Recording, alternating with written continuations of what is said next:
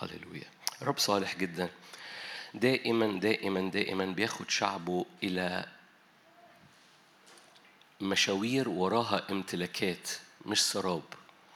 كتاب مقدس يحكي عن السراب. عارفين السراب؟ السراب هو وعد بالمية لغاية لما توصل ليه فما تلاقيش مية. هو ده السراب. سلام. يعني يبقى في وعد تتحرك ناحيته وكل ما تروح ناحيته تلاقيه بيبعد. فتروح وراه تلاقيه بيبعد تروح وراه تلاقيه بيبعد. ده السراب. الكتاب المقدس يوعدك إن لا سراب بل بالعكس يقول لك السراب يصير أجمة ماء. يعني توصل لمكان اللي أنت شايف فيه مية تلاقيه فايض مية مش سراب. إحنا ممكن نقعد هنا شوية. ما أعرفش عنكم بس ده اختبار روحي كثير بيعاني منه وكلنا عانينا منه لو إحنا صادقين مع نفسنا. إحنا في مراحل روحية في حياتنا عانينا من ظاهرة السراب. اني بتحرك ورا وعد وابقى شايف. فانت في الصحراء بيبقى شايف وشايف مية. الأتاري دي مش مية ده انعكاس الشمس على الرمل. فيتحرك تجاه المية اللي هو شايفها بس أتاري مفيش مية. هي سراب. فيوصل لغاية المية فلا يجد مية ويلاقي السراب هناك. فيتحرك وهكذا وهكذا.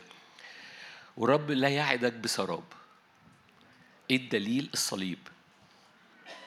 إيه الدليل الصليب؟ لأنه ما حبناش من بعيد وقال أنا بحبك ومحبتي سراب. هلو ما ما ما حبناش من بعيد. وكل ما نمشي لحبه ما نلاقيهوش فنمشي شوية زياده وراها ما نلاقيهوش. نمشي وراها شوية زيادة ما نلاقيهوش. الكلمة صارت جسدا عشان تلاقيه وهنا مفتاح سر التجسد. التجسد خلى الوعد متجسد فتمد إيدك تخبط فيه. ما بقاش وعد بتحاول توصل له. الكلمة صار جسدا والصليب أم أخذ كل الحاجة اللي بتخليني لا أحصد إيماني. وأم حملها من هذه اللعنة علشان يقول قد أكمل it is finished. فبجلدته شفينا تأديب سلامنا عليه بحبره شفينا كل أمور اتشالت. كل البشرية حصل لها تحول ريست من حالة التوهان وحالة التشويش إلى حاجة إلى واحد. أحد الحاجات اللي العالم عمال بيرميها هو التشويش على عينينا على صورنا الداخلية على أفكارنا على حلول مشاكلنا. والقصة في الآخر بتنتهي. فاكرين لما قالوا ليس معنا خبز؟ قال لهم أنتوا إحنا لسه شابعين 5000 نفس ولسه فايض 12 أف أنتوا بتقولوا إيه؟ الحاجة إلى واحد. يعني إيه حاجة إلى واحد؟ مش قصة روحية مش مهم تاكله. نو no. معاك الواحد معاك أكل. معاك الواحد معاك بركة. معاك الواحد معاك استجابة. معاك هذا الواحد معاك استجابة الوعد مش سراب. السراب يصير أجمة ماء. إيه الدليل؟ إيه الدليل انه حياتك الروحية مش وراء سراب مش كلمة خادم مش هذه العظة؟ الدليل لأن السراب مفيش سراب في المسيحية إنه جاء في الجسد. عشان كده التجسد مهم عشان كده تدرك إن الم... ون... كلكم عارفين طبعا يعني معظمكم بيحضر دايما بس بس ببساطة احتياطي لحسب تكون بتحضر وما تاخدش بالك إنه إنه ما زالت الكلمة جسد. الكلمة صار جسد من ألفين سنة بس ما زالت الكلمة جسد في جسد المسيح اللي على الأرض. فما زالت الكلمة متجسدة في حياتك. ولما تتعامل مع الكلمة أن القصد الإلهي أن الكلمة تصير جسد فيك وإن إحنا جسد المسيح وإن الكلمة جسد في الأرض. تتحرك من وعود إلى حقيقة إلى امتلاك. بقول هذا التعبير كتير بقول إن بداية سفر التكوين كلكم عارفين أسفار موسى الخمسة مش كده؟ أنا بالنسبة لي هي ستة. مش لأن موسى كتب ستة لكن لأنه من التكوين للتثنية ختمها هو يشوع. لأن الرب ما بياخدش شعب ما بيخلقش شعب وما بيخرجش شعب من أرض مصر إلا علشان يدخله. خروجك من أرض العبودية خروجك من أرض إنك مش ابن إلا إنك تكون ابن. مش عشان تكمل حياتك في دوران البرية لكن عشان تخش إلى أراضي سبق الرب فأعدها لكي تمتلكها.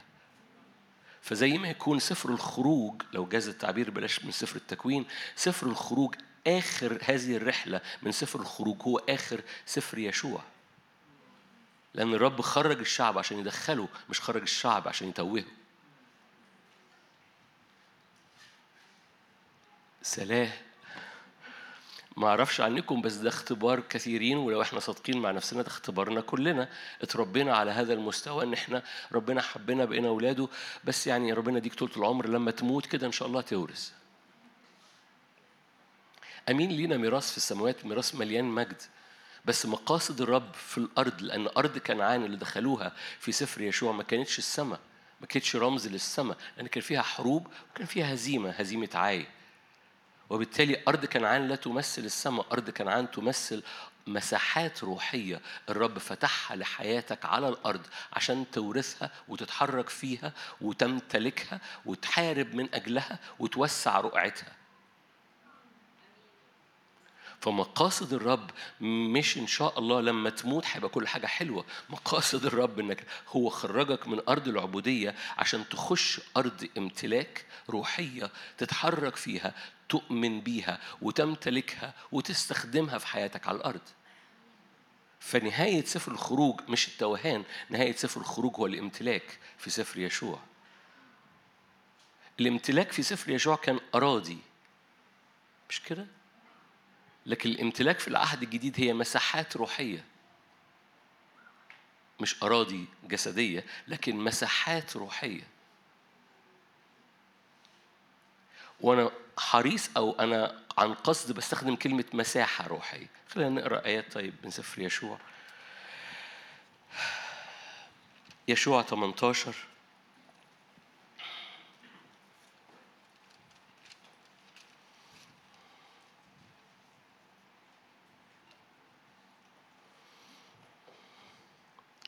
يعني هنقلب في آيات. أنت الآيات مش طالعة؟ طالعة. فتحت 18 افتحي 15 بقى.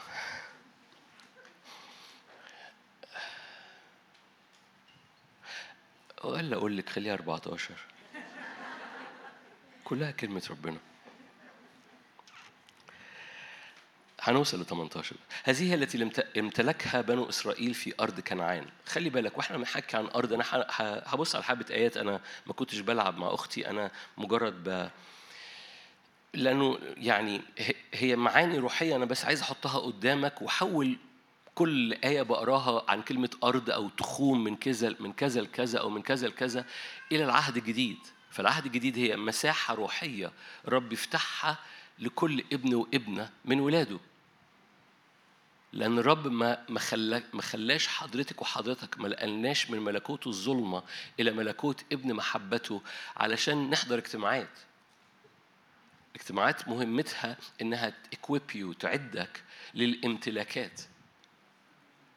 فالرب مش دعاك علشان في الآخر آخرة المتمة يعني نحضر اجتماعات. لكن مقاصد الرب هو خروجك من أرض عبودية عشان تخش أرض لها مساحة روحية عشان أنا بخرج من كلمة أرض علشان كلمة أرض دي بتحط بوكس معين دعاك من أرض العبودية عشان يعطيك مساحة روحية. وهذه المساحة الروحية بتمتلكها. ولما بتمتلكها بت بت بتعرف تستخدمها تحافظ عليها تستخدمها وتوسع رقعة الملكوت بيها. هقرأ لك الآيات. يشوع 14 هذه هي التي امتلكها بنو إسرائيل في أرض كنعان. نترجم هذه الآية العهد الجديد هذه هي التي امتلكتها كنيسة الرب في الأراضي الروحية. هذه هي المساحات التي امتلكتها الكنيسة في أراضي الملكوت. ملكهم إياها ألعازر الكاهن ويشوع ابن نون ورؤساء آباء أسباط بني إسرائيل نصيبهم بالقرعة كما أمر الرب على يد موسى للتسعة أسباط ونصف لأن موسى أعطى نصيب سبطين ونصف عبر الأردن. صح 15 كانت القرعة لسبط بني يهوذا حسب عشائرهم إلى تخم أدوم برية صين نحو الجنوب أقصى التيمن كان تخمهم الجنوبي أقصى بحر الملح من اللسان المتوجه نحو الجنوب. وبعد كده يبتدي يوصف هذه التخوم عشان يعمل الخريطة لهذه المساحة الروحية اللي أعطيت لبني يهوذا. هناك مساحة روحية محددة أعطيت لبني يهوذا. وهكذا لما تمشي في صح 15 كله تجد بيعطي مساحات روحية لكل سبط. صح 16 خرجت القرعة لبني يوسف من أردن أريحة إلى ماء أريحة نحو الشروق إلى البرية الصاعدة من أريحة في جبل بيت الله وخرجت من بيت إيل إلى لوز وعبرت إلى تخم. فاهمين؟ فبيدي مساحة روحية وبيعمل لها الخريطة.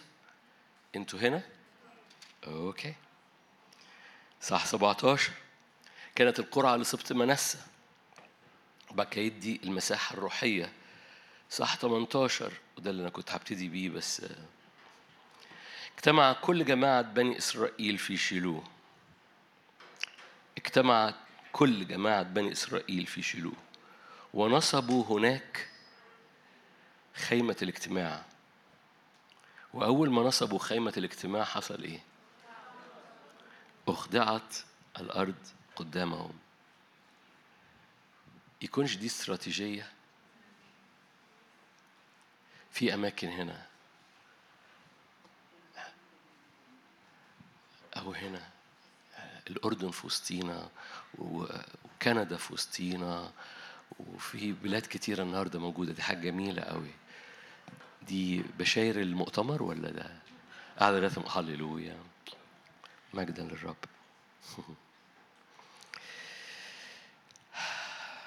لو مزنوقة في كراسي هنا أو أوكي. أول ما نصبوا خيمة الاجتماع أخضعت كل الأرض قدامهم.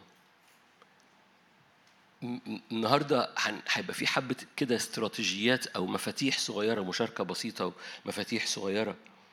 ففي مساحات روحية بتعطى وأول ما أول ما عملوا خيمة الاجتماع في وسط شيلوه أخضعت كل هذه المساحات الروحية ليهم. لأن كلمة أرض النهاردة بنحولها إلى لغة العهد الجديد هي مساحة روحية بتعطى لحضرتك. أول ما نصبوا خيمة الاجتماع في شيلو أخضعت كل هذه المساحات الروحية ليهم.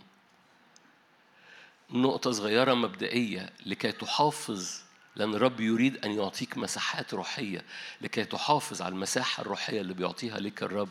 السجود محوري أساسي. البعد الكهنوتي في حياتك أساسي.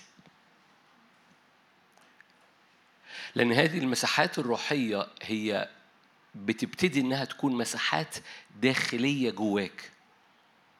مساحات روحية جوه إنسانك الباطن. فالرب اللي افتداك من أرض العبودية عشان ينقلك إلى ملكوت ابن محبته مش بيلففك في دواير لكن بيدخلك مساحات روحية. هذه المساحات الروحية بتبتدي إنها تكون مساحات داخلية. أول ما تمتلكها كمساحة داخلية جوه روحك بتتجسد كمساحة روحية برضو بس خارجية ظاهرة بتؤثر على كل حاجة حواليك وعلى أرضك. هرجع مرة تاني. نقلنا من ملكوت الظلمة إلى ملكوت ابن محبته مش عشان نتوه ونتلخبط ونتشتت. نقلنا عشان يعطينا مساحات روحية نورثها على الأرض. هذه المساحات الروحية بتبتدي إنها تكون داخلية. أول ما بتثبت فيك داخليا بتبتدي تظهر كمساحة روحية خارجية ظاهرة في أرضك ظاهرة حواليك ظاهرة في خدمتك.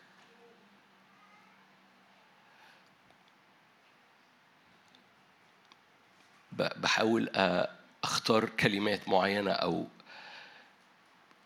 كثير منا بيستعجل إن المساحة الخارجية تبقى ظاهرة برة. كثير منا بيشك إن الرب إداله حاجة لأنه مش شايف مساحة خارجية بره. لسبب عدم إدراكه إن المساحة الروحية بتبقى داخلية جوه الهيكل بتاعك جوه الكهنوت بتاعك ابن للرب. ولما تثبت هذه المساحة الروحية جواك بتظهر كمساحة روحية خارجية مستعلنة في أرضك. عشان كده فاكرين لما قال أنا أخذتكم من أرض مصر حملتكم كأجنحة النسور؟ سفر عارفين الآية دي؟ خروج 19 لتكونوا إيه؟ مملكة كهنة. مملكة كلها كهنة. ما كانش قصد الرب إن صبت اللاوي بس هو اللي يبقوا كهنة. كان مقاصد الرب إن كل شعب الرب مملكة. ما فيش مواطن في هذه المملكة إلا كاهن.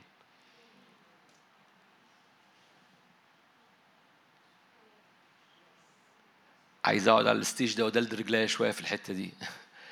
مفيش مواطن. ده مش مش مش وظيفة ده مش مش مش وظائف طائفية ده كهنوت المؤمن. ده حياة الصلاة والسجود ورفع الملك والذبيحة اللي بتقدم للملك في حياتك على مسؤولية شخصية مسؤولية كل واحد. فما فيش مواطن في هذه المملكة ملكوت الرب إلا ما هو كاهن. لأن المملكة دي عبارة عن مملكة كهنة. ليه؟ علشان ربنا عنده عقدة نقص عايز عايز ناس تقعد تعظمه؟ نو no. أكيد نو no. القصة كلها إن حضرتك وأنت بت بت بتدي هذا السجود وهذا الإكرام هذا الملك هذا الخالق هذا كلي القدرة بيسكن في أرضك فلما بتقدم هذه العبادة بتدي مساحة لهذا الملك إنه يأتي ويعمل مساحة روحية جواك. وكل ما تزداد مساحته كل ما يزداد ميراثك كل ما يزداد الكهنوت اللي خارج منك كل ما بتزداد المساحات الروحية اللي الرب عايز يديها في إنسانك الباطن. ربنا ما خرجناش من أرض العبودية عشان نلف في حياة روحية بنحضر كده. هو هو هو بنحاول نرضي ربنا.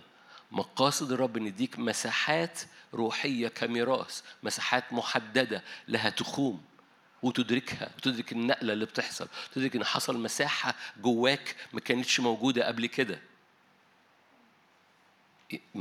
أنا آسف يمكن ما شرحتش إزاي تدرك إن في مساحة. تجد مساحة جواك من النعمة من السلطان من الإدراك ما كانتش موجودة قبل كده بقت موجودة جواك. معظمكم اختبر هذا الاختبار بس لم ما, ما ترجمتوش إلى أرض تمتلكها ومعظمنا ما عرفش تمنتين يحافظ على هذه المساحة اللي أعطيت ليه كأرض يثبتها لما نصبوا الخيمة في أرض شيلوه أخضعت هذه المساحات الروحية ليهم. نصبوا الخيمة ده البعد الكهنوتي. لما نصبوا الخيمة في أرض شيلو نصبوا هناك خيمة الاجتماع أخضعت الأرض قدامهم. الأرض بلغة العهد القديم يعني المساحة الروحية أو الفرشة اللي الرب بيفرشها عشان يمتلكوها وكل حد له مساحة تخوم معينة بيعطيها له.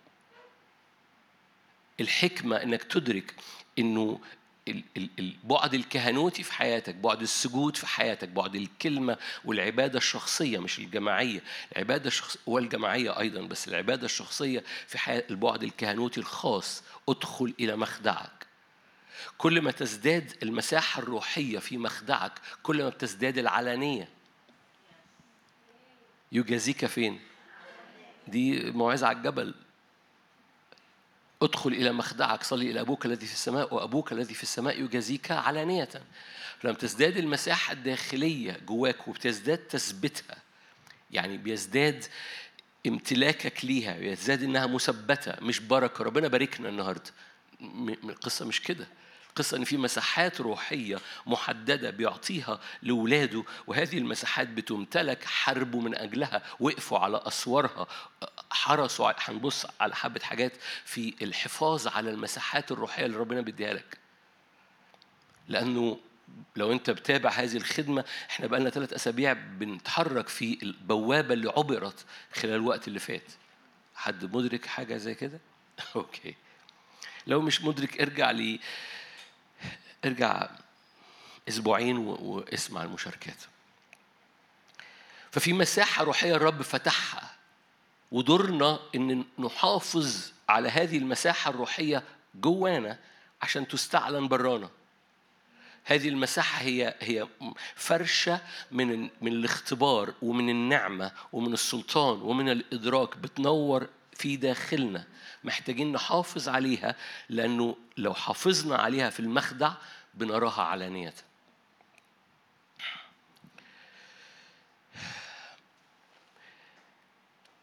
وبالتالي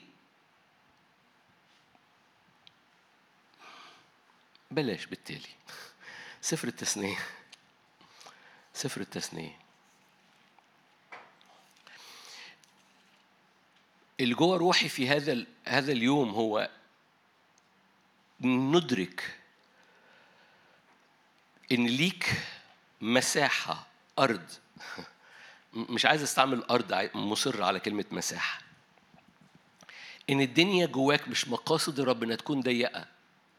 وكل شوية وأنت ماشي وراء الرب بنعمة وبإيمان بيقوم مزود المساحة جواك من منطقة ضيقة وكل ما بتزداد المساحة بيزداد الإدراك النعمة الإيمان جواك. تحتاج تحافظ عليه على المساحة الجديدة دي. لأنك لو حافظت عليها جواك بتتنقل براك علانية. فبتراها في أرضك بتراها في أبوابك بتراها في شغلك وبتراها في استخدام الرب ليك. أنا براجع معاكم عشان أتنقل. ف... فأنا عايز عينيك ترى ترى المشهد إنه مش دعاك من الظلمة إلى النور علشان تفضل مساحتك جوه زي ما هي لا أنت عمال بتتسع جوه. وهذه الاتساعات هي أراضي محددة بيعطيها الرب لك روحية. وهذه الأراضي الروحية ليك دور إنك تحافظ عليها. سفر التثنية سفر التثنية من الأسفار اللذيذة اللي بحبها. سفر التثنية هو قبل الخروج. ده مش إعلان سوري قبل يشوع.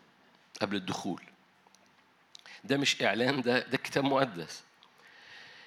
ليه تسمى التثنية كلمة في في في الكتاب اليهودي ما اسموش التثنية اسمه هذا هو الكلام. فسفر التثنية لو أنت فتحت التلمود اليهودي أو فتحت كتاب اليهودي ما اسموش التثنية اسمه هذا هو الكلام. إيه هذا هو الكلام؟ ده أول ثلاث كلمات في تثنية واحد واحد. هذا هو الكلام. أوكي. دي معلومة ما, ما, ما, ما تخضوش ليه تسمى التثنية؟ لأن في اليوناني استخدموا آية أنا بحكي لك حتة يعني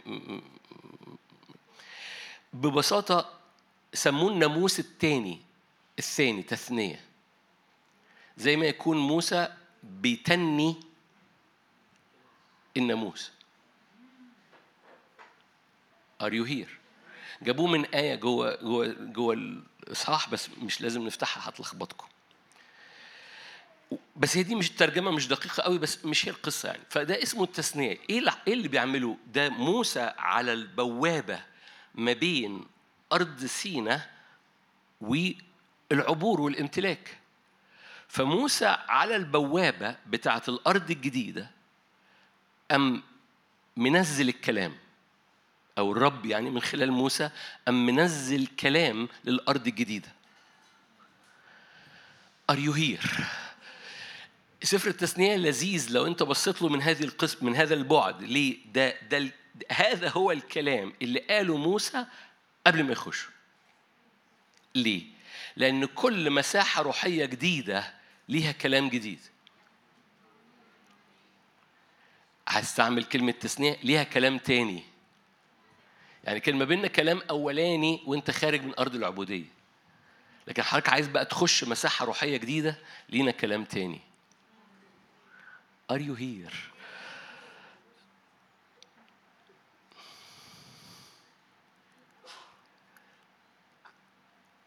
ما بيني وبينك ده مش خبر مشجع ليه؟ لأنه خبرتنا واختبارنا الجماعي برضو اختبارنا كلنا يعني إني أنا عارف حبة حاجات عارف حبة أمور روحية وأنا ماشي بيها. فيطلع من نافوخي بقى.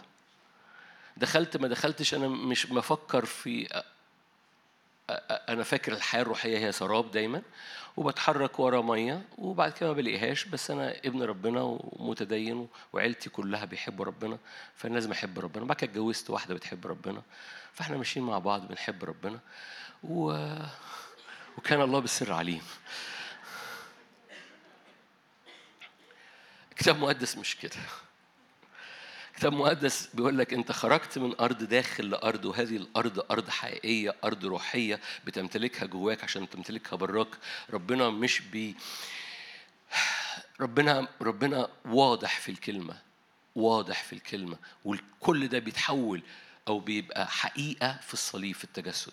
فهرجع مرة تاني. فداخلين أرض أو داخلين مساحة روحية هرجع لتعبير مساحة روحية. داخل لمساحة روحية جديدة في كلام تاني. ولأن ما بنتصورش إن في كلام تاني أنا عايش هلهلي بحب ربنا واهي الدنيا ماشية ويعني ما, ما, ما, ما تتعبش دماغي. ما, ما بنخشش في التثنية بتاعتنا اللي بتعدنا للأرض اللي جاية. هستعمل قوانين هستعمل تعبير قوانين بدل تثنيه بس ما ما تترجمش جواك قوانين إلى ناموس. المساحات الروحية الجديدة لها قوانين بتحافظ عليها. فالمساحة الروحية اللي الرب يفتحها جواك ودي بالنعمة وانت ماشي وراء الرب الرب يقول لك زي زي البوابة اللي عبرت من ثلاث أسابيع دي دي بوابة عبرت دي بالنعمة وإحنا ماشيين وراء الرب ما أعرفش لو انت بترجع ارجع للأربع اللي قبل اللي فات حكينا كتير إن ممكن تعبر بوابة انت مش واخد بالك. Are you here؟ فممكن تعبر بوابات روحية وانت مش واخد بالك فتحصل ترقية روحية وانت مش واخد بالك وده مش بيلغيها على حياتك بس انت محتاج تدركها عشان تثبت في حياتك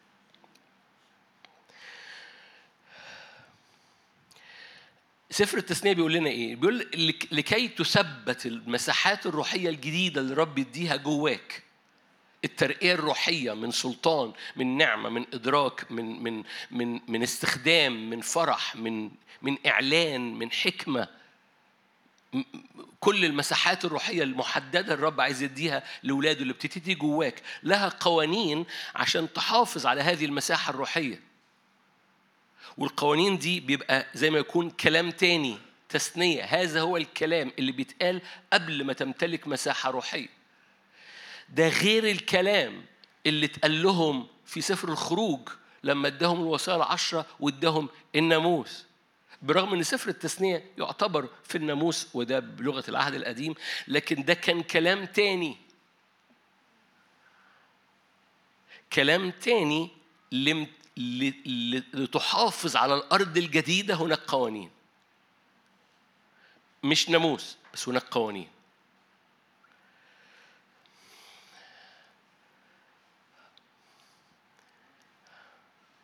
أنا أنا مش بلاقي مش بدور على كلام أنا مستني كلمة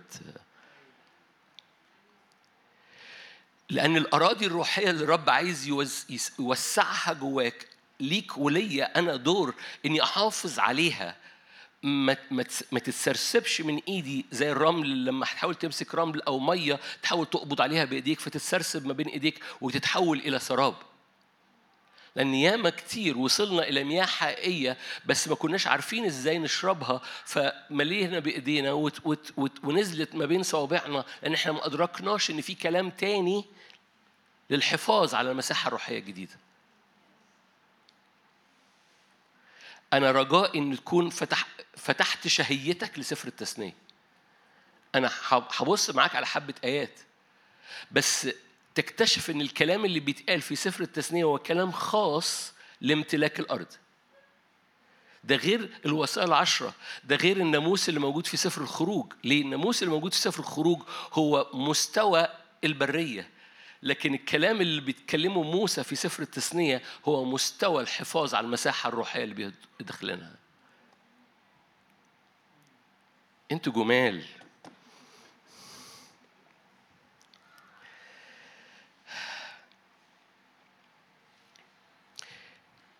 عشان بستعمل كلمة قوانين وأنا مش مش مبسوط قوي من كلمة قوانين بس أنا مجرد بستخدم هذه الكلمة عشان تدرك إنها هامة لأنه لو كسرت هذه القوانين هذه المساحة الروحية اللي أعطيت لي بالنعمة وأنا ماشي بتتسرسب من إيديا. برغم إنها أعطيت بس بتسترسب بركتها أو بتسرسب امتلاكي ليها. فبرغم إنها أعطيت لكن أنا مش متحرك فبستعمل كلمة قوانين مش عايزها تتحول جواك إلى ناموس لكن هي خليني أستعمل تعبير هي الكلام الجديد اللي الرب يقوله لك وأنت داخل مساحة روحية جديدة هو مربوط بتكريس أعمق هو بيصنعه جواك. عشان ترتاح من كلمة قوانين دي. بس هذا التكريس مش أنا مش ترنيمة بتقولها الكل ليك. كلنا بنحب الترنيمة دي وبنقولها وهنقولها. بس القصة مش ترنيمة القصة الكل ليك ده بيترجم إلى نمط حياة بالنسبة لي بيبقى زي إنه زي ما يكون قانون لأن نمط الحياة ده بيحافظ وأنا مدرك بقى ليه ليه ليه بدفع ثمن نمط الحياة ده؟ لأني مدرك إن نمط الحياة ده بيحافظ على المساحة الروحية اللي الرب ادهاني. يا رب تنور. ربنا مش دمه تقيل ماسك لك العصاية بيقول لك بص أنا عايز أمسيك أمشيك على الصراط المستقيم. ربنا مش بيتعامل مع اولاده كده. فمش بيقول لك اكهن ليا عشان أنا بس أتنفخ شوية زيادة no no. اكهن ليا عشان أنا أجد مساحة إني أسكن في وسطيك وأعطيك مواريث لما بعطيك مواريث أنا عايز عمق تكريسك بيزداد لأن بحسب عمق تكريسك عمق تثبيت المساحة الروحية اللي بعملها في حياتك فهو مش بيطالب تكريس زيادة عشان يوقف لك بالعصاية أنا عايزك تتحسن كون ولد كويس. هو بيطالب بتكريس زيادة أو بقوانين بيزداد فيها مستوى القداسة في حياتك علشان هذه القوانين أو هذه التكريس هذا التكريس بيحافظ على هذه المساحة جواك فبترى علانية.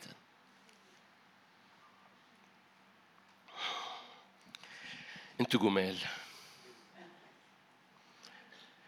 خليني أقول لك جملة بايخة.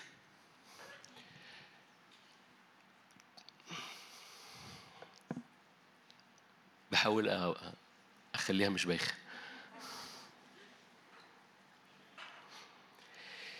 بيبان عليك لما يكون في مساحة جديدة داخلية أعطيت ليك من الرب قبل ما تظهر خارجيا. بيبان عليك لما بيحصل امتلاك لمساحة روحية جديدة من الرب حتى قبل ما تظهر خارجيا وهي لسه داخلية بيبان عليك. ليه؟ لأن بيبان عليك التكريس. بيبان عليك نمط حياة مختلف عن السابق. بيبان عليك نمط كلمات مختلف عن السابق. بيبان عليك نمط من التواضع ومن السكوت ومن الهدوء ومن الحساسية للروح القدس. بيبان عليك النقلة أو مساحة التكريس اللي بتثبت مساحة روحية داخلية حتى قبل ما يبان عليك من بره.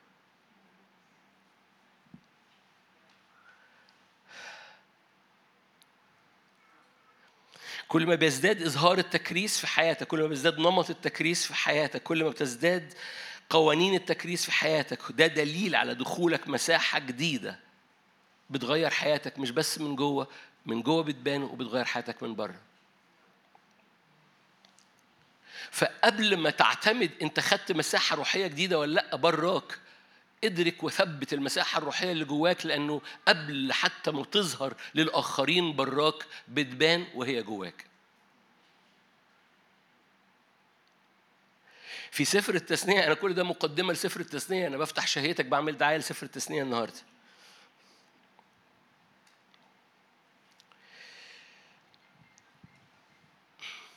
ألو يعني حدي أمثلة من من بره سفر التثنية وهرجع لسفر التثنية. عدن كانت مساحة روحية صح؟ آدم وحواء تمشوا فيها بس عدن كان فيها قانون. صح؟ كسرت القانون طبعا ده يعني ده ده مثال. كسرت القانون عدن بتسرسب من إيدك. كل مساحة روحية رب يفتحها ليك. بيبقى عنده كلام تاني كلام أعمق كلام فيه تكريس أكتر لكي تحافظ على المساحة الروحية الجديدة. بلاش عدن. أرمية. فاكرين أرمية؟ أرمية نبي وشغال نبي ومية مية ألسطة شغال نبي. فأرمية 15 أم الرب عمل مواجهة مع أرمية. قال له بص حبيبي إذا عزلت الثمين من المرزول فمثل فمي تكون. أمال ال 15 أصحاح اللي فاتوا دول كانوا إيه؟ ما ده كان كلام ربنا. are you here كان بيتنبأ أنتوا هنا؟ أرميا كان بيخدم كان نبي already كان مثل فم الرب already بس الرب يقول له بص حبيبي في نقلة في مساحة روحية جديدة تفتح جواك فأنا بطلب تكريس زيادة. اعزل السمين من المرزول. إيه إيه المرزول اللي كان في حياة أرميا في هذا الوقت؟ كان في بيطلع كلمات سلبية عن نفسه.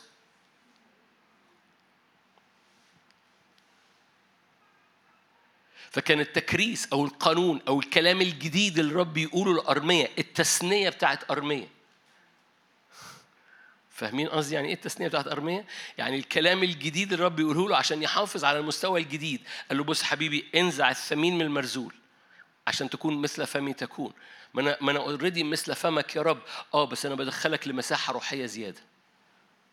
فأنا عندي كلام جديد ليك. بطل تقول كلام سلبي عن نفسك.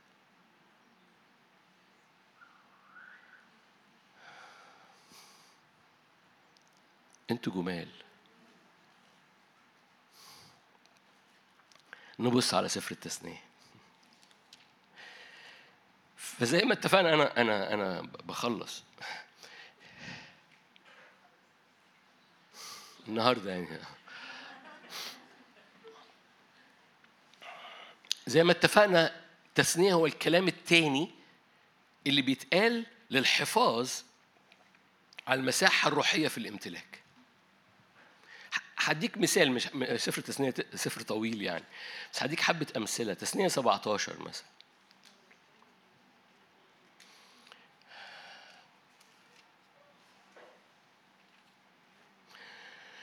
تثنية 17 آية 14 متى أتيت إلى الأرض التي يعطيك الرب إلهك وامتلكتها؟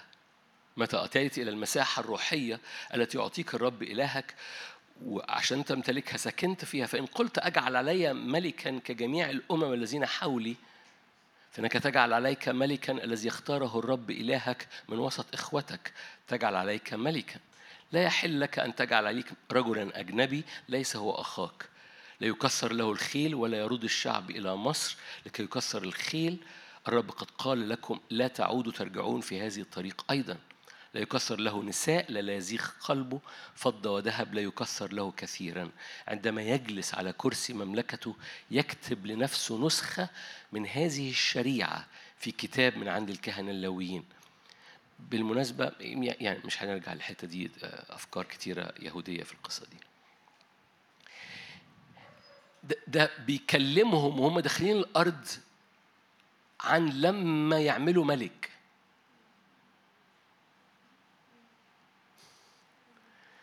محتاج تبص على الخريطة ما بين ما بين هنا ما بين هذا الكلام هذا هو الكلام اللي قاله موسى وما بين شاول مشاوير. مشاوير زمن. بس في كلام مختلف قبل ما يخشوا الأرض. ما كلمهمش على يبقوا ملك هم خارجين من أرض مصر. Are you here؟ فبيبقى في كلام جديد علشان تحافظ على الأرض الجديدة والأرض الجديدة مربوطة بتكنولوجيا جديدة مربوطة حتى لما يبقى في ملك تعمل إيه؟ ويعطى ليه إيه ولا يعطى ليه إيه. أنتوا هنا؟ أنا بس جبت هذه الآية بس عشان أحكي لك إزاي هو بيقول كلام مختلف له علاقة بتكنولوجيا المساحة الجديدة اللي أنت داخلها. وبالتالي عشان بس مهم جدا إنك لما تدرك إن في حاجة رب يفتحها جواك تميل ودنك وتسمع منه نمط الحياة الجديد أو الكلام المربوط بالمساحة الجديدة. أنا جبت الشاهد ده عشان أقول لك بس الجملة دي. إن الكلام اللي هيقوله لك وأنت داخل على مساحة روحية جديدة في حياتك مربوطة بالقداسة مربوطة بالفرح مربوطة بالخدمة مربوطة بالعمق في الكلمة مربوطة بالإعلان لما بيدخلك على مساحة روحية جديدة بيقول كلام مختلف. ما كانش في سيرة لم يملك عليكم ملك ما تكترلوش الستات وما تكترلوش الخيل. لكن هو داخلين على أرض الامتلاك أم بيتكلم لغة جديدة. هذا هو الكلام. عشان كده زي ما يكون بيتني عليهم كلام ناموس تاني. Okay. تثنية 22 هديكوا حبة أمثلة. حبة أمثلة لذيذة أوي. تثنية 22 أنتوا هنا؟ Okay. تثنية 22 8 إذا بنيت بيت جديد اعمل حائط لسطحك. لئلا تجلب دما على بيتك إذا سقط عنه ساقط.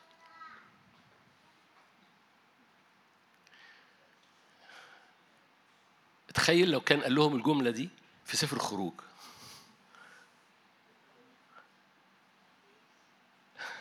مفيش حد منهم هيبني بيت.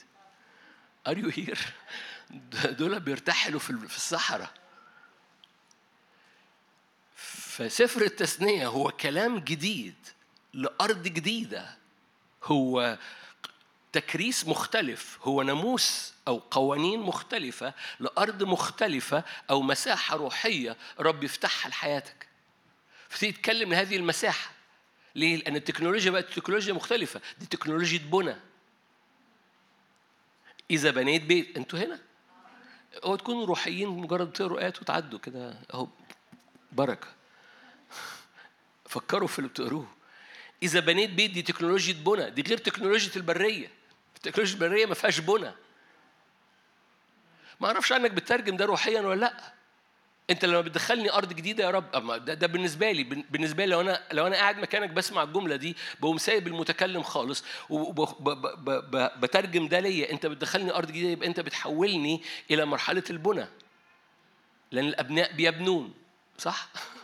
لأن الأبناء بيبنون فأنا بتنقل من عقلية إني برتحل على الفاضي يبقى في خيمة إلى عقلية البنى إلى عقلية التثبيت إلى عقلية السكنة إلى عقلية السكنة الإلهية ببني بيت للرب. وبعد كده نحن بيته. فتلاقي نفسك مشيت في مشوار بيثبت حضور الرب أول ما بنوا خيمة الاجتماع في أرض شروق خضعت كل الأرض له أوكي نرجع مرة تاني. إذا بنيت بيت دي تكنولوجيا جديدة. تكنولوجيا الأبناء اللي بيبنوا تكنولوجيا الميراث تكنولوجيا السكنة. إذا بنيت بيت اعمل حائط لسطحك. لألا تجلب دما على بيتك. إذا سقط عنه سقط. يعني إيه؟ يعني أنت بقيت مسؤول. ما بقيتش على دماغك. فلما تبني بيت على السطح اعمل سور. عشان لو حد طلع بيتك وطلع السطح ما يقعش. ده بالنسبة لواحد خارج من أرض العبودية بتمشى في البرية ده كلام ملوش أي معنى بالنسبة لنا النهاردة روحيا يعني إيه؟ يعني ربنا هيقول لك كلمات بعقلية خروجك من أرض مصر جديدة تماما تكنولوجيا مختلفة تماما ليه؟ لأن الرب يقول كلام تاني عشان تمتلك الأرض وتثبت الأرض مساحة روحية جديدة في حياتك الكلام التاني أو القوانين اللي بتحافظ على المساحة الروحية دي ده تكريس فتجد الرب بيطلق جواك تكريس في نمط حياتك مختلف بيدي شكل. أتاري هذا الشكل مش بيحفظ مش بيبني وبيثبت في الأرض الجديدة ومش بس بيحفظك أنت بيحفظ أي حد يخش في الأرض بتاعتك. أنا بديكم ده كمثال. لو لو لو لو اتقال هذه الآيات للشعب وهو خارج من أرض مصر ملهاش أي ريفرنس ملهاش أي معنى بالنسبة لهم. بس دي ده ده ده نقلة في في في المسؤولية نقلة في الرؤية إذا بنيت بيت wow. روحيا. Okay. لا تزرع حقلك صنفين.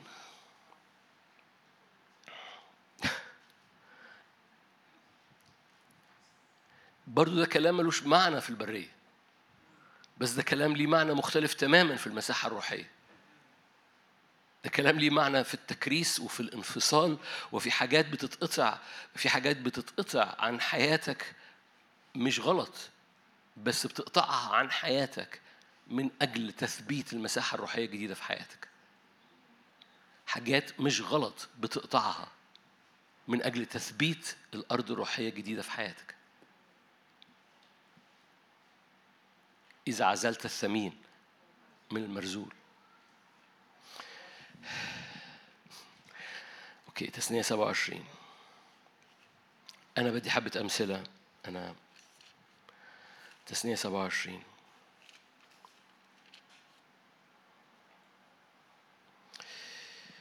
مش هطول في الحتة دي كلكم عارفين لأن في هذه الخدمة بتحكي عنها كتير. آية 11 أوصى موسى الشعب في ذلك اليوم قائلا هؤلاء يقفون على جبل جرزيم لكي يباركوا الشعب حين تعبرون الأردن. شمعون لاوي يهوذا يساكر يوسف وبنيامين. هؤلاء يقفون على جبل عبال للعنة رأوبين وجاد وأشير وزبولون ودان ونفتالي. برضو دي تكنولوجيا جديدة للحفاظ على الأرض الجديدة. معظمكم سمعني بنحكي عن ده جبل جرزيم هو الجبل الحاد الجبل اللي سنه حاد جبل عبال هو كومة قديمة. فنص الشعب طلع على جبل جرزيم وابتدى يبارك الأرض الجديدة. ونص الشعب خرج على جبل عبال وابتدى يلعن الأرض القديمة.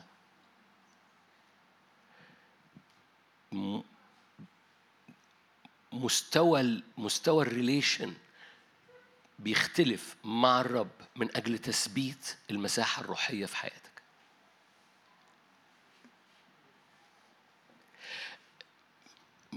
مستوى الشعب اللي خارج متهرجل من أرض مصر وكل واحد خارج على دماغه. ما يفهمش يعني إيه يطلع ستة فوق جبل ويطلع ستة فوق جبل ودول يقولوا كلمات لعنة ودول يقولوا كلمات بركة وإن هذا اللوكيشن مهم جدا عشان يحافظوا على مساحات الأرض الجديدة اللي هم داخلينها. الهرجلة ما بتجيبش كده ال distraction ما بيجيبش كده. هتسمعوا تشتيت؟ هو ده ال distraction أحد أسوأ الحروب اللي حاصلة بقالها كتير وقعدنا نتكلم عليها والخلاط الخلاط عمال بيزداد سرعته لغاية لما تبقاش سامع غير صوت الخلاط. القصة كلها الخلاط ده مش صوت بس الخلاط ده صور. ده تشتيت عينيك وتشتيت ودانك وتشتيت دماغك. هذا التشتيت بيخليك ماشي هلهلي ورا الرب لأنك ابن الرب وبنت الرب.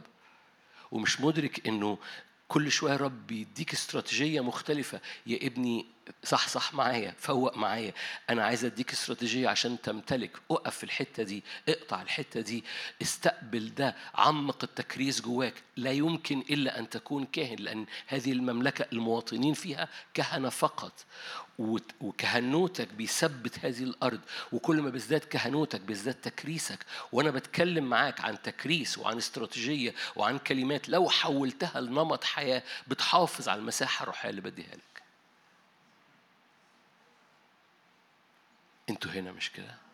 هي دي الرسالة بتاعت النهارده اللي هي بتقوم نقل حياتك إلى سجود قدام الرب. تكلم يا رب لأن عبدك سامع. هذا هو الكلام اللي بتقوله لي عشان أثبت المساحة الروحية الجديدة اللي في حياتي. والرب يقوم جاي بيقول في هنا تكريس هنا كلمات هنا طاعة هنا إيمان هنا وقفة هنا وقف على أسوارك هنا لا تدع السارق يسرق فيما بعد. ذهنك وأفكارك ووقتك وأيامك وفرحك وإيمانك. من انظر من انظر الثعالب الصغير والرب يبتدي يشاور لك على حبة استراتيجيات ما كانش ينفع يكلمك فيها قبل كده أو كان ينفع بس أنت سرسبتها من إيدك لأنك كنت ديستراكتد وجاء الوقت إنك تدرك إنه المساحة الروحية اللي الرب فتحها قدامك وعارضها عليك مش لازم تتسرسب مرة تاني وتبقى سراب وتقول كان في حبة مية بس مش لاقيهم دلوقتي. ربنا ربنا بيحا يريدك أن تحافظ على المساحات الروحية اللي بيديها لك. بس كل مساحة روحية جديدة لها قوانين داخلية بيقولها لك عشان تحافظ عليها زي كل سفر التثنية. فقال لهم بصوا عايزين تحافظوا على الأرض جديدة. أول ما تخشوا كلكم عارفين الحتة اللي في يشوع أفتحها لكم. لما قعد يوصف لهم فين جبل جرزيم. قال لهم أول ما تخشوا الأرض طوالي اطلعوا على جبل جرزيم وجبل عبال يقول لك جبل جرزيم اللي هو ناحية طريق الشمس اللي هو من الناحية دي جنب جبل كذا جنب ورا كذا ورا صحراء كذا بيعمل لهم GPS Google عشان يوصلوا لعنوان مظبوط ليه؟ لأن ده مهم، دي أرض جديدة يجب أنهم يكونوا موجودين فيها على جبل جرزيم وجبل عبال. إحنا ما أعرفش عنكم. أنا بلاش خليها أنا. أنا في حياتي الروحية في أزمنة كثيره يعني يعني مش لازم أروح جبل جرزيم. طب أنا من هنا. يعني لازم أضرب المشوار لجرزيم. عشان أطلع الجبل. عشان أقول البركه آه كله بركة. حد فاهم حاجة؟ آه يعني الحياة روحية كده. الحياة الروحيه أكثر أكثر وضوحا. من الحياة العملية. لأن الحياة الروحية لو بقت واضحة جواك حياتك العملية بتبقى واضحة. أنتوا هنا إحنا كتير قلبناها. إحنا الحاله العملية آه عندنا شغل عندنا دراسة عندنا مش عارف إيه لازم التزم بالميعاد الساعة 8 في عندي مقابلة مع كذا. حلو قوي. لما الرب يقول لك اطلع جبل جرزيم مش بيقترح عليك اقتراح لو تحب. لما الرب يشاور لك على تكريس معين في حياتك كتير تعاملنا. أنا بلاش أنتوا. أنا كتير تعاملت. إنه آه يعني ربنا عايزني كده لما يعني لما أحب ولما يبقى ليا نفس ولما أكون متشجع ولما أكون فايق ومركز كده أبقى أقلل من الإنترنت. نو no. هو مش عايزني لما أحب ولما يكون مركز ولما أكون مش عارف إيه أبقى أقلل من الإنترنت. كل الناس تتخانق معايا. انت ليه مش على الفيسبوك؟ عشان أنا مش على الفيسبوك. ليه؟ عشان ربنا قال لي هل الفيسبوك غلط؟ نو.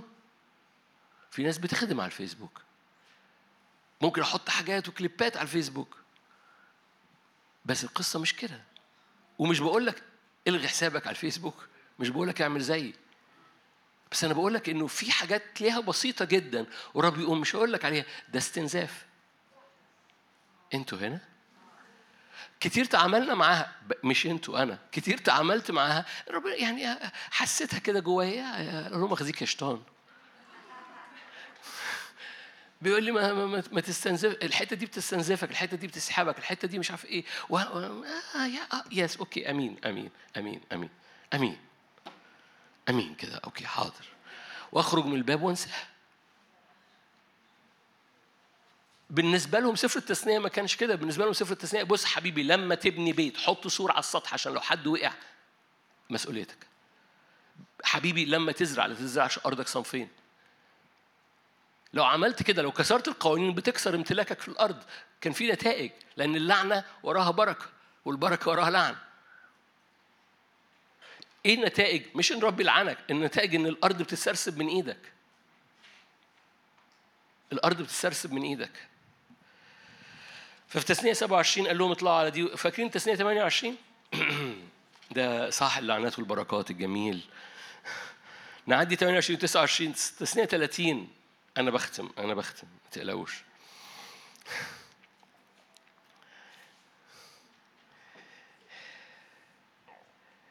تثنية 30 آيات جميلة جدا. تثنية 30 ده يجنن. جميل جدا جدا جدا جدا. هذه الوصية التي أوصيك بها اليوم آية 11 ليست عسرة عليك ولا بعيدة منك. خلي بالك دي مش مش الوصايا العشر دي مش وصايا سفر الخروج سفر الخروج مليان وصايا دي الكلام التاني اللي بيحافظ على أرض الميراث. هذه الوسيلة أوصيك بها اليوم ليست عسرة عليك ولا بعيدة منك ليست هي في السماء. حتى تقول من يصعد لأجلنا إلى السماء ويأخذها لنا ويسمعنا إياها لنعمل بها. ولت هي في عبر البحر حتى تقول من يعبر لنا البحر ويأخذها لنا ويسمعنا إياها لنعمل بها. الكلمة قريبة منك جدا في فمك وفي قلبك لتعمل بها. انظر قد جعلت اليوم قدامك الحياة والخير الموت والشر.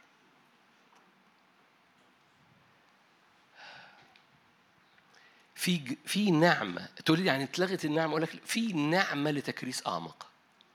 في نعمة لقوانين روحية تعمل نمط حياة في حياتك فتحافظ على المساحة الروحية اللي بتتسع جواك.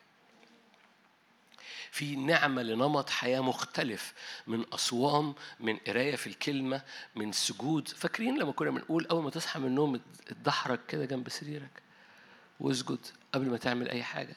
إيه الأخبار؟ إزاي الصحة؟ مش عارف ليه اتذكرت إن أقول لكم كده النهارده وأنا جاي في العربية.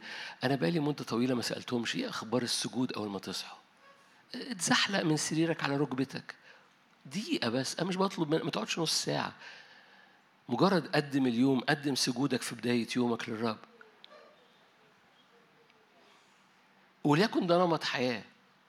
وليكن ده حاجة حاجة بتعملها وراء الرب لأنه لأنه خلي بالك دي مملكة إيه؟ مملكة كهنة. أوكي. أقول لكم آية بايخة من تسنية. أنا عايز أخلص بس بتذكر آيات بايخة. تسنية 23 هتعرف ليه بايخة حالا؟ مفيش آيات بايخة بس هتعرف ليه بايخة. دي من الآيات اللي ما بتت... ما بتتقالش في العظات. مفيش واعظ محترم يقولها.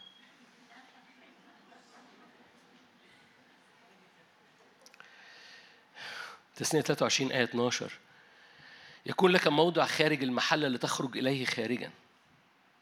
تسنية 23 12 يكون لك موضع خارج المحل لتخرج إليه خارجا ويكون لك وتد مع معدتك لتحفر به عندما تجلس خارجا وترجع وتغطي برازك. لأن الرب إلهك سائر في وسط محلتك لكي ينقذك ويدفع أعدائك أمامك. فلتكن محلتك مقدسة لئلا يرى فيها قذر شيء فيرجع عنك. عرفتوا ليه ما تتقالش في الوعظات؟ آية صعبة بس بتحمل معنى روحي جميل هو في خطية هنا؟ هللويا مفيش خطية مفيش خطية بس مستوى القداسة اتغير حتى الحاجة الطبيعية الإفراز الطبيعي بتاع حياتك ما ينفعش تسيبه على الأرض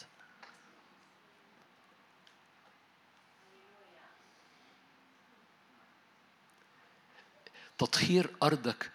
يعني لو أنا ذكرت الآية دي مجرد عشان بس. في نعمة لتطهير أرضك. في نعمة في هذا الزمن لتطهير أرضك حتى من الحاجات الطبيعية.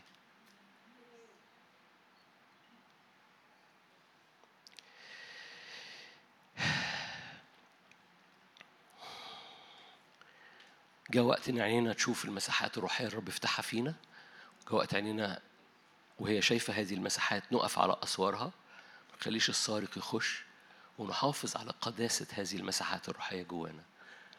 نقلة النور في الكنيسة في العروس بتزداد نور في الزمن ده.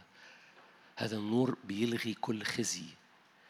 العروس اللي مشيت مخزية بضعفتها بتاريخها بخبراتها ببعل فغور ده اجتماع الأربع اللي فات اسمعوا العروس اللي ماشية سلطانها مكسور بسبب خزي. زي ما يكون بتقف قدام أبواب الجحيم بس هي عارفة إنها مش هتعرف تنقلها عشان عندها قصص خزي. زمن هذه العروس بيتنقل. مساحة النور بتزداد فيها. عشان لما تقف قدام أبواب الجحيم ما بقاش فيها ذرة خزي. رئيس هذا العالم ليس له فيها شيء. مساحة النور بتزداد جوه العروس. مساحة القداسة بتزداد جوه العروس. مساحة النور والقداسة ده بيطلقوا سلطان غير عادي. ففي مساحة روحية بتوسع جواك. جاء وقت إنك تراها تقف من أجلها تستقبل قوانينها عشان تحافظ عليها جواك لأنها هتظهر براك أول ما تثبت فيك. أمين. خلونا نصلي مع بعض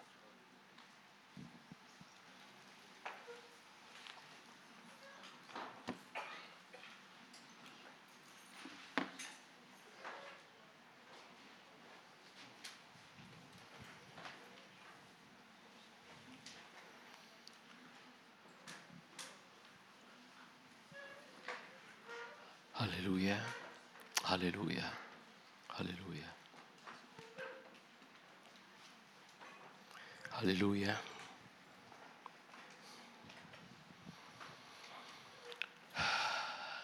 خد مكانك فينا. وسع رؤيتك الروحية جوانا.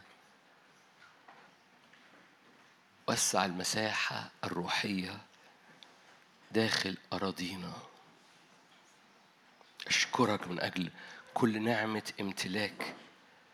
أنت قلت الأرض التي أعطيتكم إياها. الأرض التي أعطيتكم إياها.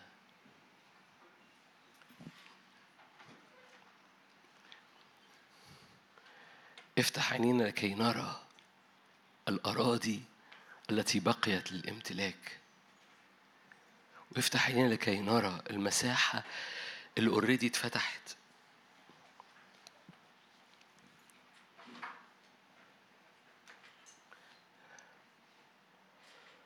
افتح عينينا لكي نرى إن إحنا مش بندور في دواير ولا بنتبع سراب. افتح عينينا وافتح ودنا لكي نسمع ونبصر ماذا تريد ونمط الحياة اللي أنت عايز تطلقه فينا لكي تثبت الأرض الجديدة.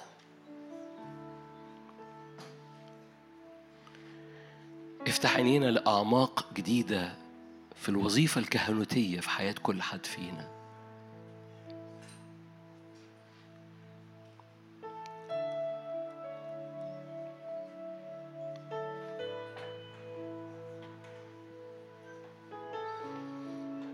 افتح أرواحنا وقلوبنا لكي ندرك إن الحياة الروحية مش حياة هميونية لكن حياة على مثبتة على على كلمتك وعلى حضورك وعلى نعمتك. أشكرك إن كل أرض روحية هي أرض بالنعمة. كل امتلاكات بتعطيها لكل حد فينا هي هي نعمة نعمة نعمة. ادينا حكمة لكي نحتفظ بهذه النعمة.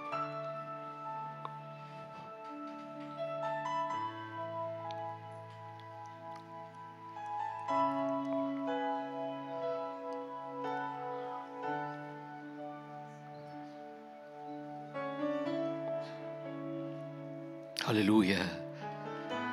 ما أمجد اسمك يا رب ما أقدس حضورك. طريق المخافة بيك طريق القداسة بيك.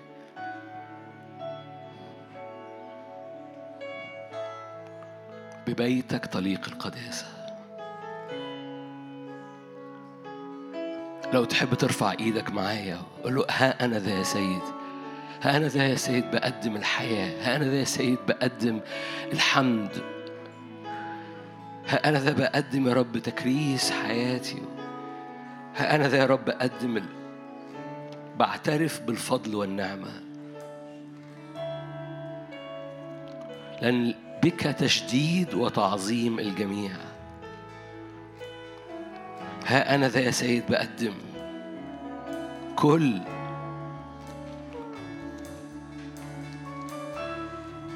هللويا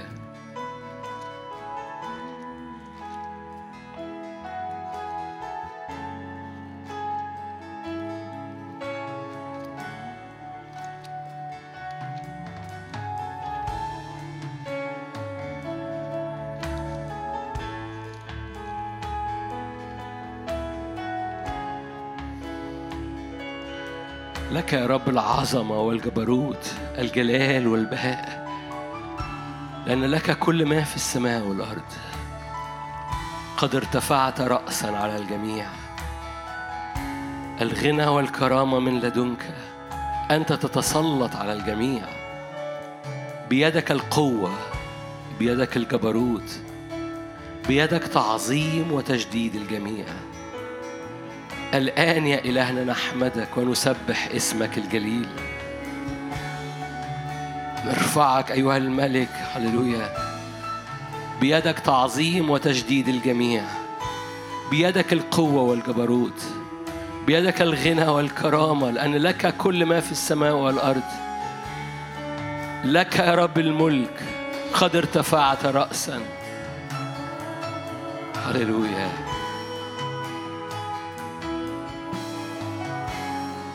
فبنقدم الكل بنقدم الكل. هللويا. وأكتر حاجة بنقدمها الطاعه لكلمتك. تكلم يا رب فإن عبدك سامع. قل له كده تكلم في حياتي تكلم. ماذا تريد يا رب أن أفعل؟ بولس من أول يوم في تبعيته للرب قال له ماذا تريد يا رب أن أفعل؟ هللويا.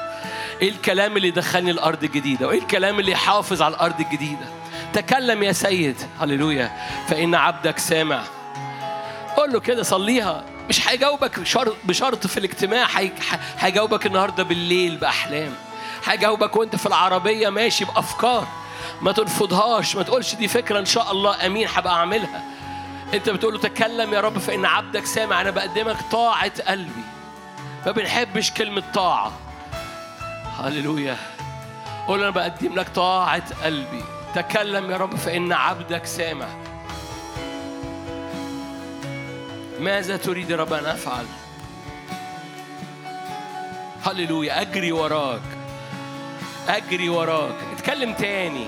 هو ده تثنية رب يتني عليك كلام جديد. بيتني عليك كلام امتلاك. بيتني عليك كلام أرض الموعد.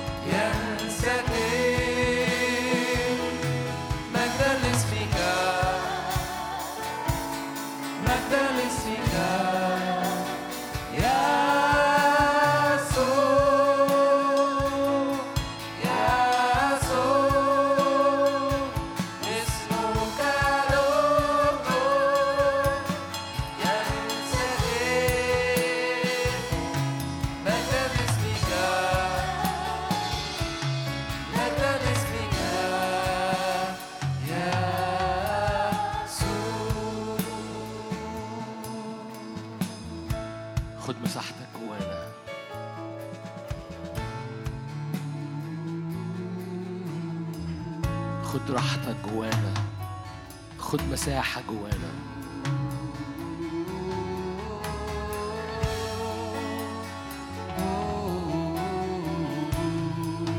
أوسع مكان خيمتك جوانا.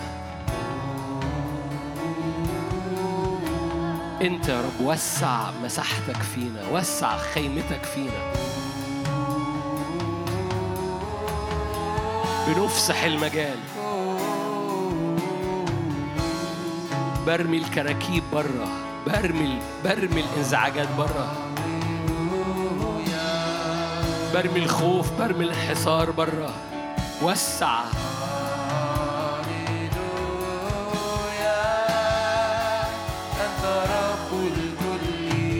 نتأصل إلى أسفل نأتي بثمر إلى فوق.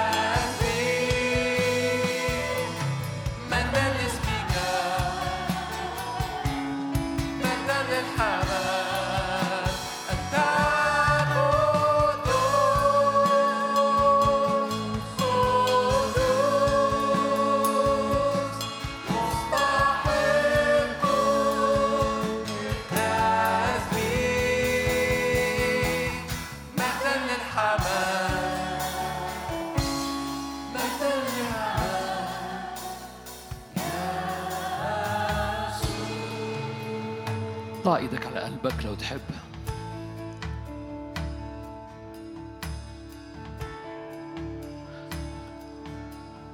الرب يدي مساحات روحية جديدة لإنسانك الباطن. بيدي مساحات روحية جديدة حتى لنفسيتك. أي نفسيات مكسورة أي نفسيات عليها خزي أي نفسيات عليها عار. رب يديك مساحة روحية تفتح لنفسك أيضا. مستوى من النور ومستوى من البر جديد. أي نفوس بتعاني من إعياء أي نفوس بتعاني من إنهاك أو من مكان ضيق جواها.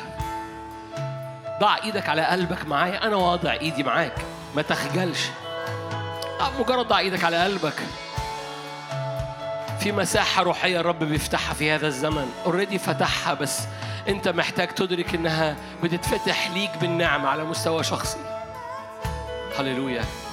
وعايز يكلمك عنها وعايز يكلمك عن الحفاظ عليها وعايز يكلمك عن نفسيتك وطبيعة شخصيتك اللي ممكن تحافظ على هذه هذه المساحة الروحية فيقول لك بطل كلام سلبي. بطل انحسارات صغيرة بطل بطل حاجات نفسية بتضغط على الأرض الروحية بتاعتك. بعضكم ما سمعش الجملة دي هقولها مرة تاني. الرب يقول لك بطل حاجات نفسية بتضغط على الأرض الروحية بتاعتك. بطل انحسارات في قوة صغيرة جوه نفسيتك لأنها بتجهد الأرض الروحية. بطل كلمات سلبية عن حياتك وعن توقعاتك وعن مستقبلك. بطل تذكرات الخزي وملفات الخزي اللي بيجيبها لك إبليس. اقف على أسوار الأرض الروحية وقول للسارق لن تسرق فيما بعد. قول الكذاب لن تكذب فيما بعد. قول القتال لن تميتني فيما بعد. اقف على أسوارك. اقف على أسوارك. أي ملفات قديمة بيجيبها لك؟ اقف على أسوارك. لا تدع السارق يسرق لا تدع التجارة تأتي على السبت بتاعك. ويخش السبت بتاعك ناس بتتاجر بيك وبتتاجر بأفكارك وبنفسيتك. وامنع التجار انهم يخشوا. امنع التجار اللي بيتاجروا في نفسيتك إنه يخشوا لمكان الراحة بتاعك وراء الرب. اقف على أسوارك. الرب أمر بالراحة. الرب أمر بأراضي روحية مليانة راحة جوه نفسك. نحن ندخل إلى الراحة. اقف على أسوار الأرض الروحية بتاعتك هللويا. امنع التجار امنع السارق امنع الكذاب امنع الخزي امنع الملفات القديمة امنع تاريخ الأسرة. إن يأثر على الزمن اللي جاي. قول له اسكت ابكم. حارب من أجل ميراثك هللويا. مساحاتك الروحية لن مش هتتسرسب فيما بعد. تنبأ لا سراب في حياتي لا سراب في حياتي. الرب استراتيجي جدا بيديني أراضي استراتيجية جدا. رب اديني مفاتيح الامتلاك وتثبيت الامتلاك. اعلني أنا مش بقول اتكلم عن أنا بقول لك أنت تصلي تقول إيه؟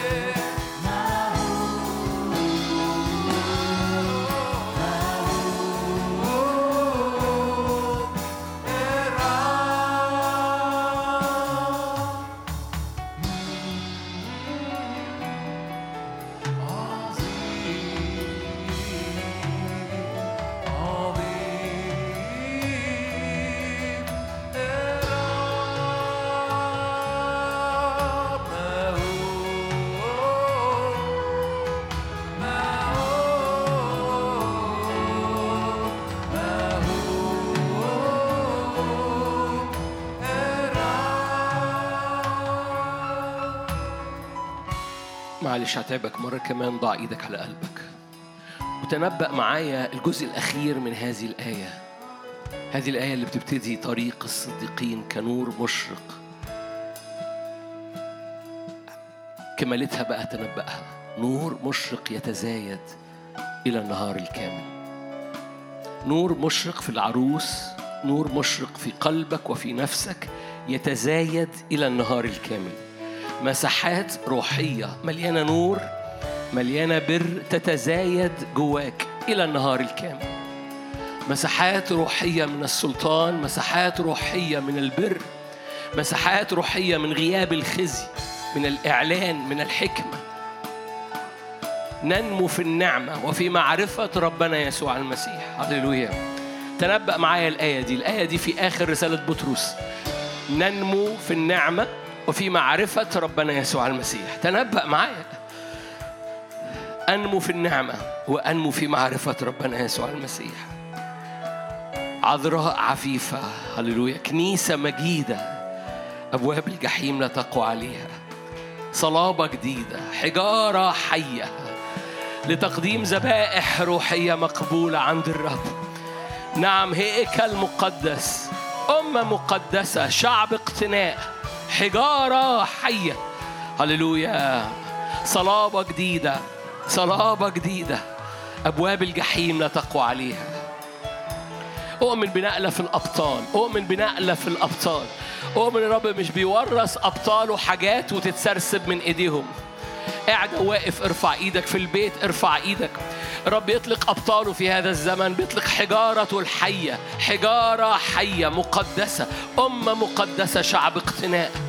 هللويا رب يطلق أبطاله بصلابة جديدة حجارة حية. هللويا. صلابة جديدة سلطان جديد أبطال داوود. هللويا باسم الرب يسوع. مشرفة كالصباح طاهرة كالشمس جميلة كالقمر مرهبة كجيش بألوية. استقبل أراضي وادرك الأراضي الروحية مش هتتسرسب من إيدك مرة تاني. قول له أنا أطيع. هللويا. ثلاث كلمات. رؤية للمساحة الروحية إيمان بالمساحة الروحية طاعة للي هيقوله لك الرب. ثلاث كلمات دول بيثبتوا نموك اللي جاي. رؤية إيمان طاعة. هللويا. رؤية إيمان طاعة. زمان أهالينا كانوا يقول لك حطها حلقة في ودنك. رؤية إيمان شوف الأرض صدق في الأرض. قول له ها أنا ذا يا سيد تكلم فإن عبدك سامع. رؤية إيمان طاعة. أراضي ثابتة أراضي للامتلاك. ونقلات مساحات روحية للرب فينا. فبيطلع البطل في حضرتك بيطلع ال... بيطلع المحارب بيطلع الغالب بيطلع الوارث بيطلع مش بيطلع قاصر مش بيطلع ابن وابنة قاصرة. بيطلع أبناء ناضجين أبناء كاملين. من أجل وعود الرب وتتميم وعود الرب على شعبه باسم الرب يسوع.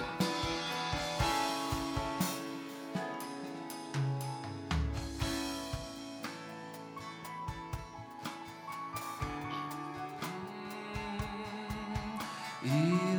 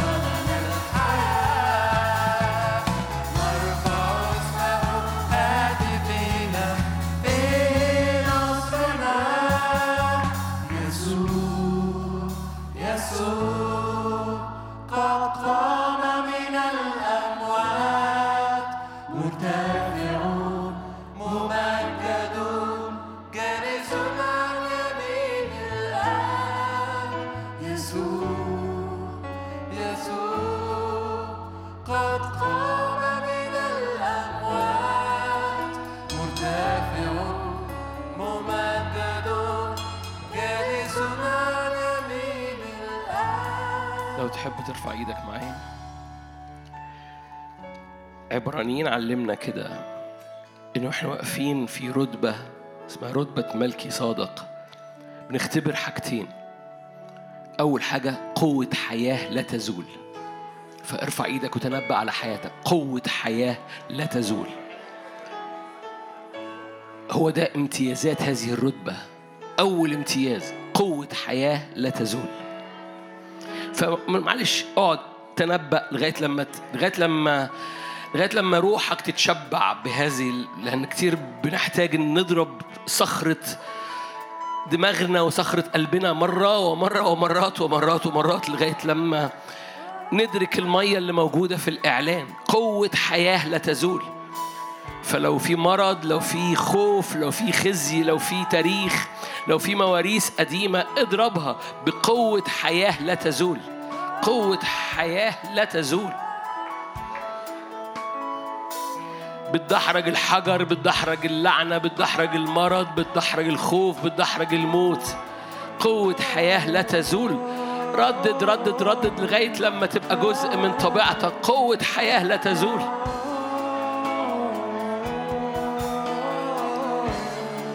الصليب والقيامة مش قصة من ألفين سنة. هو قوة حياة النهاردة ليه قوة حياة لا تزول.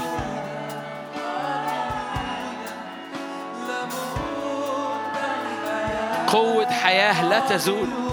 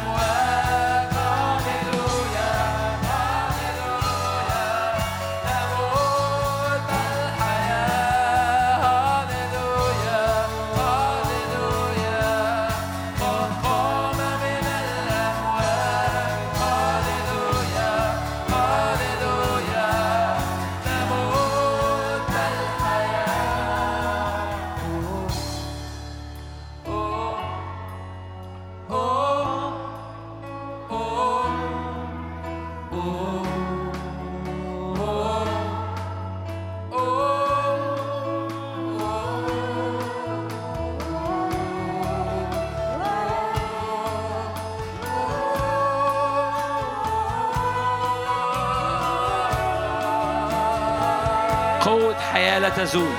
إحنا ما زلنا في أول إعلان. ده أول إعلان قوة حياة لا تزول.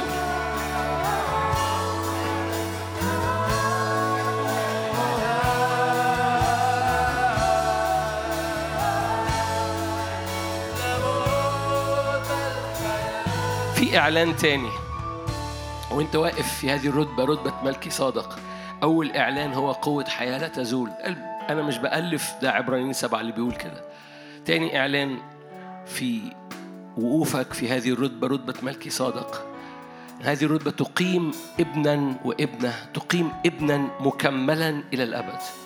تقول الآية دي عن يسوع. أقول لك آه الآية دي عن يسوع بس تقول لك الرتبة دي بتقوم يسوع فيك مكملا إلى الأبد.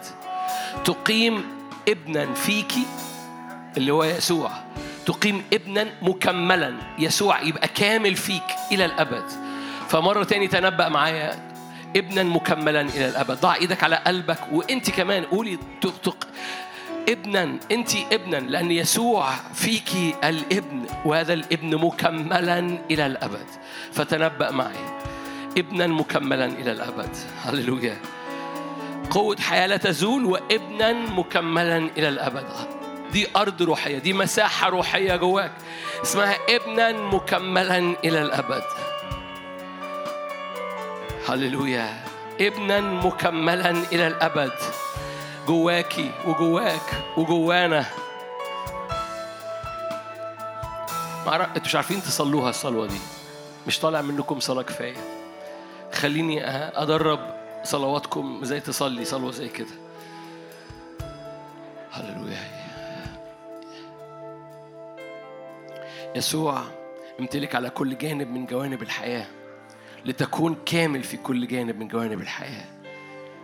يسوع قوم كملك قوم غالب قوم كبار قوم كمتسلط قوم كفادي قوم مكملا في كل جانب من جوانب الحياة. ابنا وارث طارت كل عبودية ابنا مكملا إلى الأبد ابنا ناضج ابنا وارث باسم الرب يسوع. شاور على مناطق في حياتك وقول كده الابن يصير مكملا في المنطقة دي إلى الأبد. هللويا. نفسية الابن مواريث الابن بر الابن قداسة الابن تصير كاملة في المناطق دي إلى الأبد. تنبأ أنا بصلي معاك. أنا بقول لك إزاي تصلي هذه الآية. بقول لك أنا بصليها إزاي؟ كل مناطق لسه الابن مش مستعلن فيها كامل وارث الكل. إحنا بنقف في رتبة ملكي صادق لكي نعلن كده هذه هذه الرتبة تقيم ابنا مكملا إلى الأبد. هذه الوصية. يقول لك الناموس يقيم أناس بهم ضعف. أما كلمة القسم ده كلمة أقسم الرب أنك كاهن إلى الأبد على رتبة ملكي صادق. أما القسم تقيم ابنا مكملا إلى الأبد. ارفع إيدك معايا رب يقيم عروس شبه يسوع الكامل الوارث الغالب. رب يقيم عروس شبه العريس. مليانة بر مليانة نور مليانة مجد. رب يقيم عروس مليانة صلابة مليانة انتصار مليانة نور. رب يقيم عروس مليانة يسوع كامل إلى الأبد. فلتكن نور كامل قداسة كاملة بر كامل نصره كاملة غلبة كاملة حصاد كامل ابنا مكملا إلى الأبد. فبنعظم الابن بنعلي الابن بنفتخر بالابن بنمجد الابن بنعليه في السماوات وفي الأرض وتحت الأرض. الابن فينا مكمل إلى الأبد.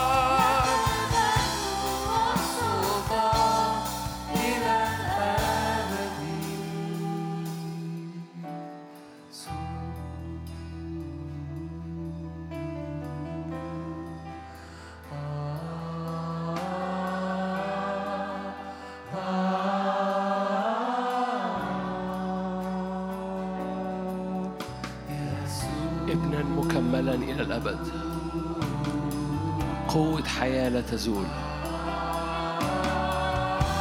ابنا مكملا.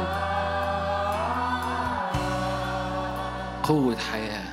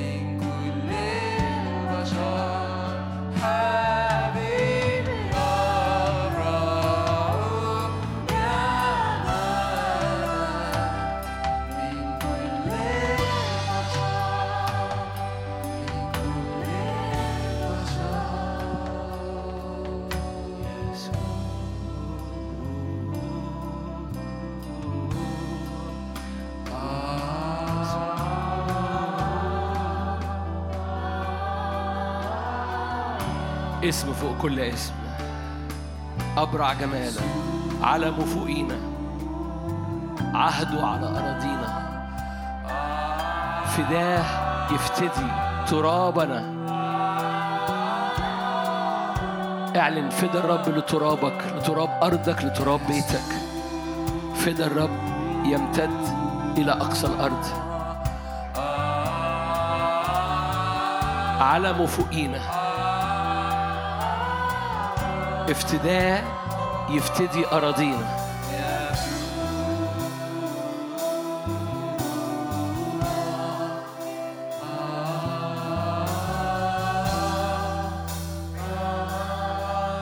استاذنك لو تحب ترفع إيدك معايا هنحارب بالفدا الإلهي. فدا يفتدي الأرض فدا يفتدي البيوت فدا يفتدي الأبناء فدا يفتدي الأشغال فدا يفتدي الأسر. فدا يفتدي البلاد. فارفع إيدك واعلن فدا الرب. وابتدي صلي من أجل امور هديك أنت مساحة الأول تصلي من أجل امور أنت تحارب فيها بسلاح الفدا. الفدا بيغير الطبيعة الفدا بيغير الميراث اللي خارج بيغير الثمر اللي خارج. فلو أنت شايف حاجات محتاجة تثمر أو شايف ثمر وحش خارج قول له افتدي افتدي افتدي افتدي افتدي.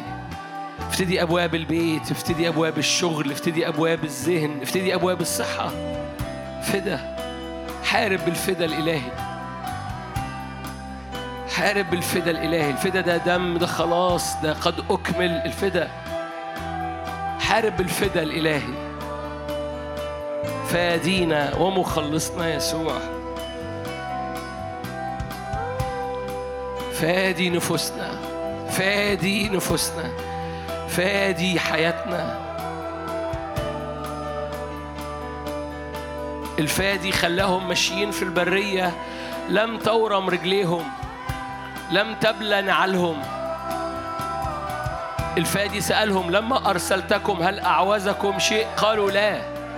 فدا في الأمور العملية فدا في الأمور المادية فدا في الأمور الصحية فدا في الأمور اليومية فدا على الأسرة.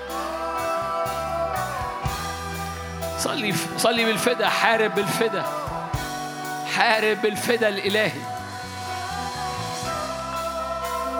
اعلن الفادي نفتخر بفادي نفوسنا.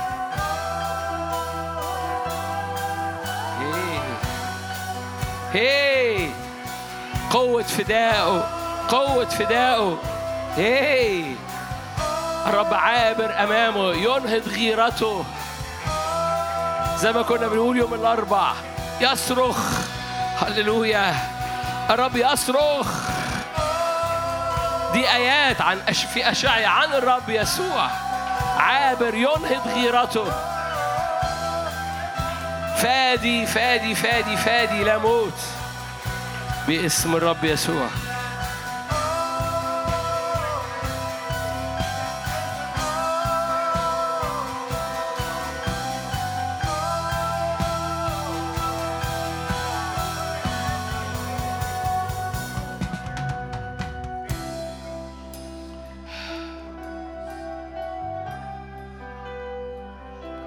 قبل ما نصلي الصلوة الجاية افتح عينك واسمعني. في فرق ما بين تعاملات الرب في فرق ما بين تعاملات الرب مع النفوس وتعاملات الرب مع الأمم. رب يفتدي النفوس فدا أبدي لكن رب يفتدي الأمم من أجل تحقيق القصد عليها. فدا الأمم مش أبدي فدا النفوس أبدي لكن فدا فدا الأمم يعني يفتدي الأمة من إنها تروح طريق غلط فالأمة تحقق القصد اللي عليها. فلما هنصلي من أجل فدا الرب يلمس بلادنا إحنا مش بنصلي فاهمين؟ في فرق ما بين فدا النفوس نفوس أبدية. فدا الأمم علشان يتمم الرب قصده على الأمة. هناك فرق ما بين ده وده. فهنصلي من أجل فدا الأمم نصلي من أجل فدا بلادنا والبلاد الموجودة في وسطينا النهاردة و... ف بس أنا حبيت أوضح النقطة دي علشان ما تبقاش متلخبط فيها لما رب يفتدي أرضك بيفتدي أرض بيتك من أجل أن يتمم القصد في حياتك أنت أبدي Are you here؟ أنتوا سامعيني؟ لما بيفتدي شغلك شغلك مش أبدي بس هو بيفتدي شغلك عشان أنت كإنسان أبدي تتحرك في الدعوة اللي على حياتك. Are you here؟ لأن في ناس بتقولك لا دي أمور أرضية ده prosperity gospel ده مش prosperity gospel. فاهمين؟ اللي هو إنجيل الرخاء. ده مش إنجيل الرخاء ولا إنجيل الرفاهية. رب يفتدي الأمم بيفتدي الأشغال بيفتدي الصحة مش علشان ده رفاهية بيفتدي الحاجات دي علشان قصد الرب فيك أنت ك... كإناء أبدي يتم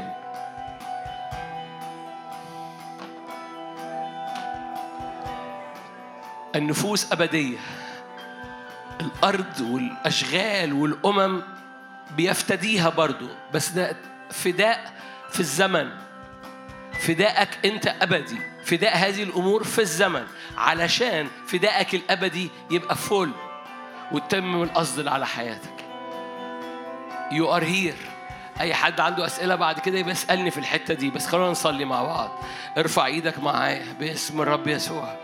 افتدي أراضينا افتدي أراضينا افتدي بلادنا افتدي حدود بلادنا. افتدي تخوم بلادنا افتدي باسم الرب يسوع. أرجو أنك تكون رافع إيدك بإيمان وبتصلي. على أسوارك أقمت حراسا. لا يسكتون ولا دعوا يسكت. حتى يخرج برها. هللويا. بر الخدمة بر, المش... بر بر القصد بر الكنيسة. حتى يخرج برها كضياء نورها إلى أقصى الأرض. هللويا. هللويا. لا خزي على الكنيسة لا خزي على العروس لا ظلال سود على العروس. هللويا.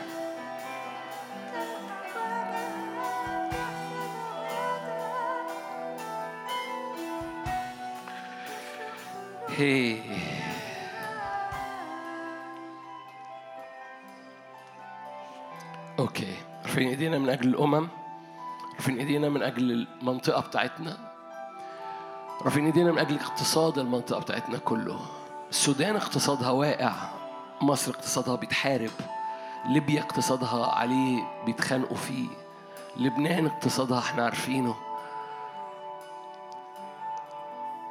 ومحاولات حروب ومحاولات استنزافات.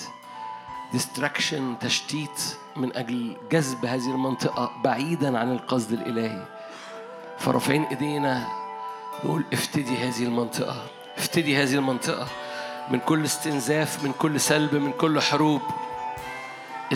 افتدي هذه المنطقة. من كل سلب من كل استنزاف من كل حروب. هللويا. وانت بتصلي من أجل الأمة انت انت بتتبارك. وانت بتصلي من أجل المنطقة انت بتتبارك. رد الرب سبي أيوب ضعفين لما صلى لأجل أصحابه. هللويا. إحنا مدعوين نكون ملح للأرض. بركة للأمم. اسم يسوع. وانت رافع إيدك صلي من أجل أسبوعك صلي من أجل استخدام الرب لأسبوعك من سبت إلى سبت. أشغال بيوت أبواب. استخدام وخدمة باسم الرب يسوع.